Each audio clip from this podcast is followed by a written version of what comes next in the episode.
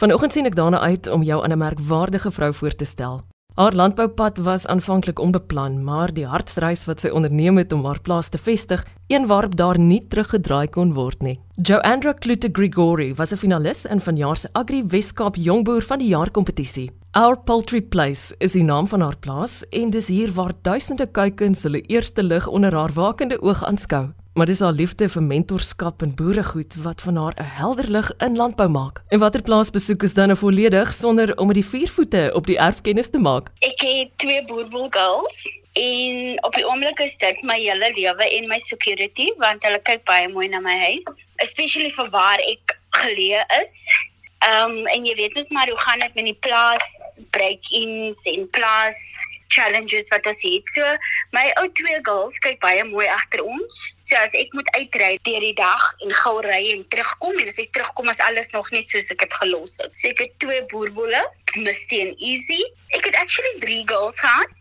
En eendag ons het ons het mos ook baie slange hier by ons. En eendag in die somer toe ek terugkom, toe was hulle nou ek het hulle nou uitgehaal en was bietjie warm en ek dink die slang was seker hulle water kom drink het of iets soos dit. En toe ek terugkom toe hulle my een van my girls dood gepik. En toe was ek ook amper in 'n rustigheid vir 'n paar dae en die kinders was net so upset want hulle die honde is soos hulle babas ook. Alles hulle groter as die kinders soms maar uh, hulle kyk baie mooi na die kinders ook. En jy weet mos boerboere raak baie dis baie protective family honde. Ek het twee seentjies. Ek is getroud en ek het twee honde en 'n duisend ander babas wat die honders is. So ek het 'n groot gesin, jong. Waar bly jy? Joostenberg vlakte. Is dit waar die besigheid ook is?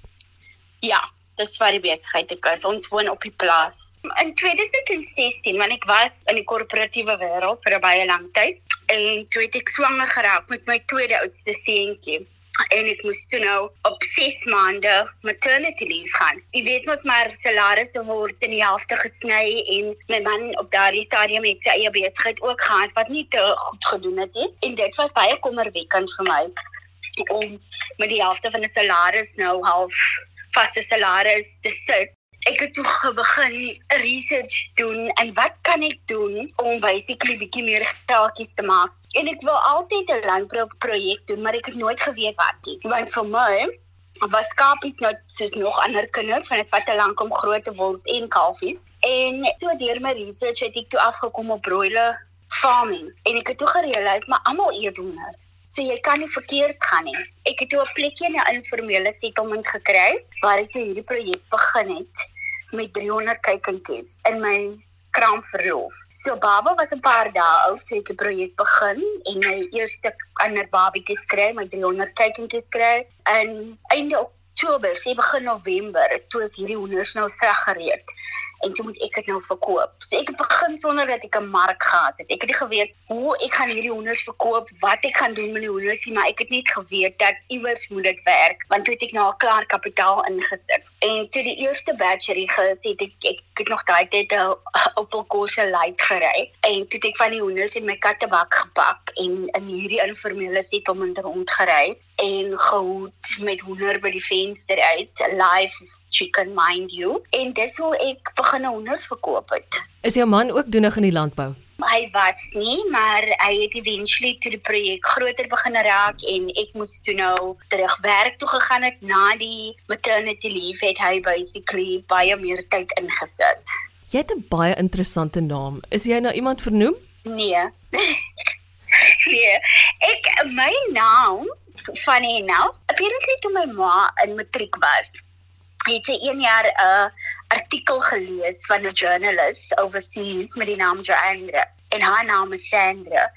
En toe het sy glo vir haar mamma daai dag gesê die dag as sy enige dogter het, gaan sy as Joandra noem. Toe sy swanger raak en sy vind uit dat sy nou eventually 'n dogtertjie verwag en sy soek te vername, toe het haar my ouma basically vir haar remind, maar jy het die naam jy het al klaar 'n naam want jy het my van die naam vertel en dit is hoe sy toe vir my Joanne genoem het.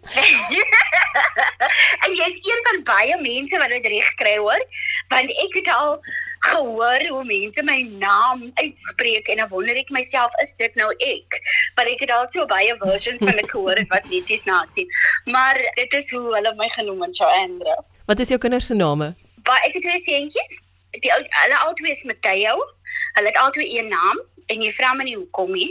Ek weet jy gaan my vra. Dit klink miskien mal, maar Matteo beteken divine gift of the Lord. So toe ek met my tweede seentjie swanger was, was ek soos, "Wat gaan ek vir hom noem?" En ek kon nie en ek het aan baie name gedink. Ek het al naamboeke gekyk. Ek het al gedink, "Jene, wat noem ek nou hierdie kind?" Ek kan mos nou nie die een sê divine gift of the Lord en wat is die ander ene nie. En toe sê ek, "Ag jong, gee hulle albei dieselfde name."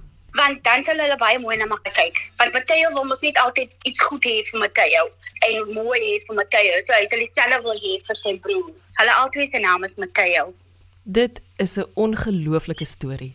Regtig waar. En mense sê vir my as jy hoekom? Dis ek vir hulle, weet jy wat? As ek Joandra is en ek meet 'n Joandra, sal ek net graag die beste en alle mooi dinge vir haar wil hê. Alles wat ek vir myself wil hê, sal ek vir daai persoon wil hê. En dis hoe ek besluit het om hulle albei dieselfde naam te gee sodat as jy die beste dinge in die lewe vir jouself wil hê, gaan jy dit outomaties vir jou broer wil hê want julle is basically 'n naam dieselfde persoon. Dis ongelooflik. Sê vir my hoe hoe oud is jy as ek jou mag vra? Joandria is 35 jaar oud hierdie jaar.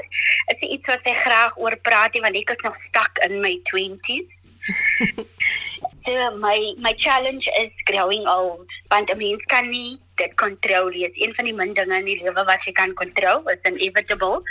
Elke jaar slaan jy maar so 12 maande ekstra. Maar ja, ek is 35 jaar oud. Lus vir die lewe, pak alles met die horings aan, skrikkie vir enige iets Chandra, kom ons praat 'n bietjie oor jou boerdery. Vertel vir my, hoe lyk dit daar by julle en hoeveel hoenders het julle op die plaas? Okay. Ons het actually 'n 50 meter hoenderhok wat ons nou net klaar gemaak het einde April. Al die dakkies opgesit, al die gordyntjies aangesit. En hierdie hok het die kapasiteit van 12000 hoenders, maar ons doen net op die oomblik 2000 elke 2 weke. So is omtrent 4000 hoenders 'n maand. Is dit vryloophoenders? Ons hoenders loop nou nie buite nie, want ons het baie mongoose en jackals en wilde diere. So ons laat hulle nou nie buite loop nie, maar hulle is in 'n free range environment. So hulle het genoeg space om op en af te gaan. Hulle kan rond beweeg. Die ok is redelik groot. So hulle is nie almal op mekaar nie. So hulle is basically kan jy sê vrylopend net nie buite nie. Nou, jy het gegaan van die korporatiewe wêreld na landbou. En as ek so na jou luister, dan kry ek die gevoel daar's geen terugkeer nou nie. Nee, glad nie my skat. Glad nie. Ek ek ek regret eintlik die feit dat ek dit nooit vroeër gedoen het nie. En soos ek altyd sê, agriculture is nou nie glitz en glamour nie. Almal sien dit altyd as 'n swaar kry industrie. Maar eintlik is dit 'n baie sustainable industrie. Ons het nou nie lang naels en rooi lippies elke dag nie, maar glo vir my, dit is die mees fulfilling iets wat ek ooit in my lewe gedoen het. Jy het 'n baie interessante naam vir jou besigheid gekies.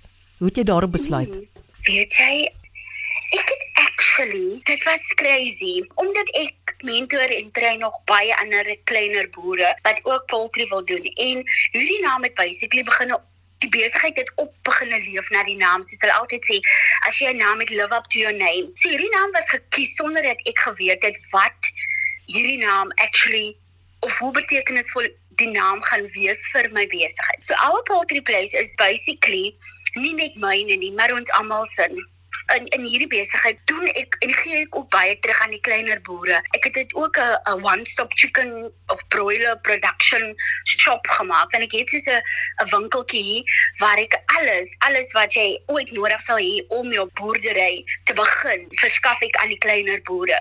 Soos ons voer, ons het uh, jou bakkers, soos jou drinkers en jou feeders en die medikasie en alles wat jy nodig het. So so dis hoekom ek sê die plekkie het actually die besigheid het begine word wat dit genoem is.